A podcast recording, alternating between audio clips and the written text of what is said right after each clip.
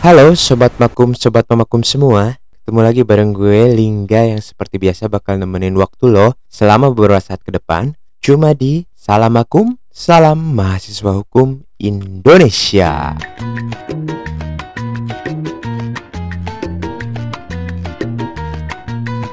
Sobat Makum, Sobat Memakum semua Kali ini gue mau cerita. Tadi pagi temen gue nanya Eh bro perjanjian sama perikatan kayak gimana sih? Dan di situ gue langsung blank banget. Tapi gue keinget ada salah satu buku yang gue punya di kosan. Bukunya buku dari J Satrio yang judulnya Hukum Perikatan, Perikatan yang Lahir dari Perjanjian. Terus gue buka-buka tentang perjanjian dan perikatan dan gue lihat eh, di buku ini juga dibahas kok tentang perjanjian dan perikatan Kira-kira sobat makum dan sobat memakum semua perlu nggak buat diri main lagi? Izin ya, gue bacain ya. Penggunaan kata perikatan sebagai terjemahan dari kata verbintenis belum merata. Sebagian daripada para sarjana masih ada yang menerjemahkan sebagai perutangan, malahan ada yang menerjemahkannya menjadi perjanjian, sedangkan overenkomst diterjemahkan menjadi persetujuan Sekalipun dalam pasal 1233 BW disebutkan bahwa perikatan lahir dari perjanjian atau dari undang-undang, sehingga kita dapat menyimpulkan bahwa perjanjian dan perikatan adalah dua hal yang berlainan. Tetapi di dalam pembicaraan sehari-hari, khususnya di antara mahasiswa, masih sering kita mendengar dipersamakannya perjanjian dengan perikatan, atau paling tidak belum nampak adanya perbedaan antara keduanya.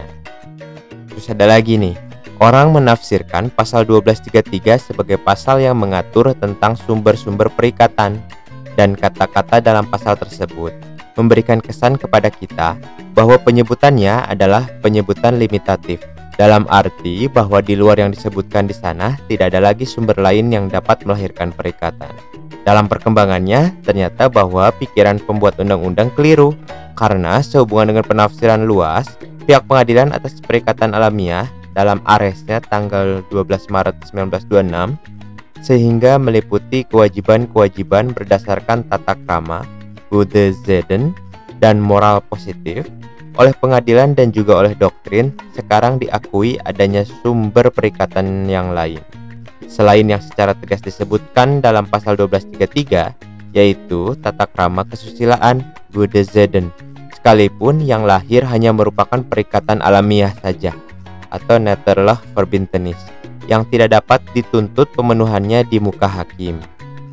Di samping itu, Pitlo keberatan atas bunyi pasal 1233 yang menimbulkan penafsiran sempit seperti tersebut di atas karena menurutnya tidak semua perikatan bisa dimasukkan dalam salah satu dari kedua kategori yang disebutkan dalam pasal 1233 yaitu perjanjian atau undang-undang Atas dasar itu, diusulkan agar kata undang-undang dalam pasal 1233 diganti dengan kata hukum agar mempunyai ruang lingkup yang lebih luas.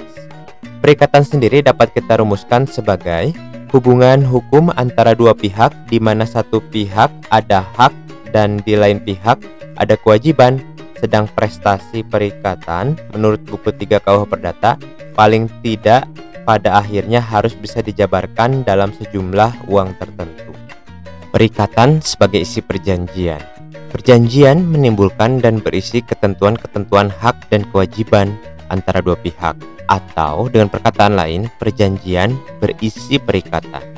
Karena buku 3 KUH Perdata menganut sistem yang terbuka, maka pembuat undang-undang merasa perlu untuk memberikan pegangan kepada kita suatu ketentuan umum tentang perjanjian antara lain berupa syarat-syarat sahnya dan perumusan mengenai apa yang dimaksud dengan perjanjian. Bagian ke-1, titel kedua, buku 3 diberi judul Ketentuan Umum. Karena buku 3 KUH Perdata menganut sistem yang terbuka, maka pembuat undang-undang merasa perlu untuk memberikan pegangan kepada kita suatu ketentuan umum tentang perjanjian, antara lain berupa syarat-syarat sahnya dan perumusan mengenai apa yang dimaksud dengan perjanjian. Bagian ke-1, titel kedua buku 3 diberi judul Ketentuan Umum. Ditinjau dari para pihak yang membuat perjanjian, Adanya ketentuan umum dapat memberikan patokan kepada mereka dari tindakan hukum yang seperti apa kita boleh berharap bahwa hukum akan membantu kita agar para pihak melaksanakan hukum sebagai yang mereka janjikan atau dengan perkataan lain dari perjanjian yang seperti apa kita kalau perlu dapat meminta bantuan dari hukum untuk memberikan tekanan kepada si lawan janji agar janjinya dipenuhi. Perjanjian sebagai peristiwa hukum yang berupa tindakan hukum Kata perbuatan pada perumusan tentang perjanjian sebagai yang disebutkan dalam pasal 1313 lebih tepat kalau diganti dengan kata perbuatan hukum atau tindakan hukum. Mengingat bahwa dalam suatu perjanjian akibat hukum yang muncul memang dikehendaki para pihak. Perjanjian sebagai tindakan hukum dua pihak. Karena pernyataan kedua belah pihak sebagai terlihat pada contoh tertuju kepada akibat hukum yang muncul pada tindakan-tindakan hukum sebagai yang mereka lakukan. Maka kita lihat bahwa untuk adanya perjanjian harus ada dua pihak yang saling berhadap-hadapan dan sama-sama melakukan tindakan hukum. Itulah sebabnya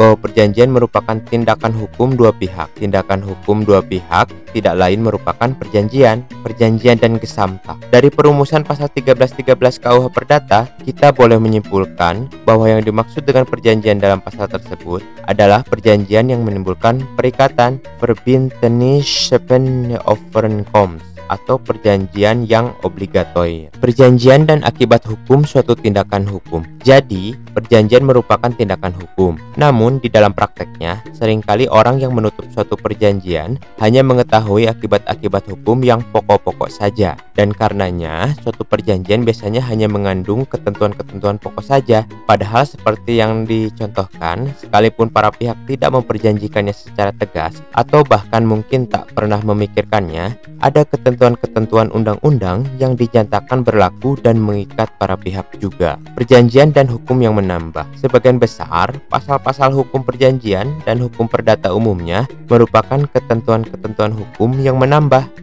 Recht yang otomatis berlaku bagi para pihak dalam perjanjian apabila mereka tidak memperjanjikan lain. Paul Sultan berpendapat bahwa pembuat undang-undang berangkat dari anggapan bahwa begitulah kehendak daripada para pihak. Dan di samping itu, ia juga beranggapan bahwa adalah adil kalau kepada para pihak diterapkan ketentuan-ketentuan yang menambah. Sekedar mengenai hal itu, para pihak tak membuat ketetapan lain. Di sini, pembuat undang-undang justru seakan-akan menjadi juru bicaranya atau penyambung lidah para pihak.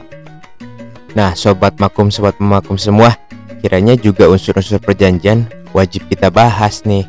Kalau suatu perjanjian kita amati dan uraikan unsur-unsur yang ada di dalamnya, maka unsur-unsur yang ada di sana dapat kita kelompok-kelompokkan dalam beberapa kelompok sebagai berikut. 1. Unsur esensialia 2. Unsur naturalia 3. Unsur aksidentalia Unsur esensialia adalah unsur perjanjian yang selalu harus ada di dalam suatu perjanjian Unsur mutlak di mana tanpa adanya unsur tersebut perjanjian tak mungkin ada. Contohnya, sebab yang halal merupakan unsur esensialia untuk adanya perjanjian. Dalam perjanjian jual beli, harga dan barang yang disepakati kedua belah pihak harus ada. Lalu, unsur naturalia adalah unsur perjanjian yang oleh undang-undang diatur, tetapi yang oleh para pihak dapat disingkirkan atau diganti. Di sini, unsur tersebut oleh undang-undang diatur dengan hukum yang mengatur atau menambah. Contohnya, kewajiban penjual untuk menanggung biaya penyerahan pasal 1476 dan untuk menjamin bridge warrant pasal 1491 dapat disimpangi atas kesepakatan kedua belah pihak. Lalu, unsur aksidentalia adalah unsur perjanjian yang ditambahkan oleh para pihak. Undang-undang sendiri tidak mengatur tentang hal tersebut. Contohnya, di dalam suatu perjanjian jual beli, benda-benda pelengkap tertentu bisa dikecualikan.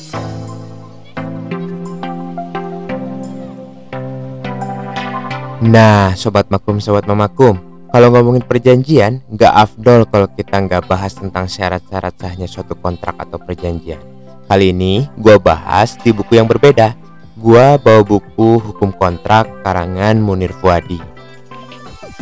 Di sini menyatakan bahwa syarat sah kontrak dan konsekuensi yuridisnya agar suatu kontrak oleh hukum dianggap sah sehingga mengikat kedua belah pihak, maka kontrak tersebut haruslah memenuhi syarat-syarat tertentu.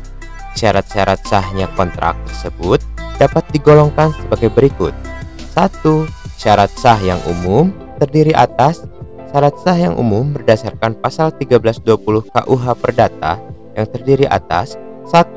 Kesepakatan kehendak 2. Wenang berbuat 3. Perihal tertentu dan 4. Kausa yang legal Syarat sah umum di luar pasal 1338 dan 1339 KUH Perdata yang terdiri atas 1.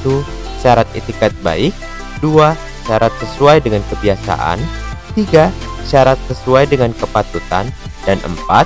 Syarat sesuai dengan kepentingan umum Lalu ada syarat sah yang khusus terdiri atas A. Syarat tertulis untuk kontrak-kontrak tertentu B. Syarat akta notaris untuk kontrak-kontrak tertentu C. Syarat akta pejabat tertentu yang bukan notaris untuk kontrak-kontrak tertentu dan D. Syarat izin dari yang berwenang.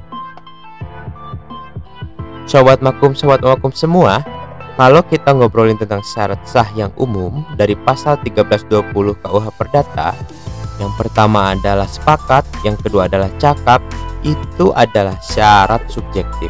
Dan perihal tertentu dan kausa yang halal, itu adalah syarat objektif. Nah, kalau syarat subjektif tidak terpenuhi, maka perjanjian dapat dibatalkan.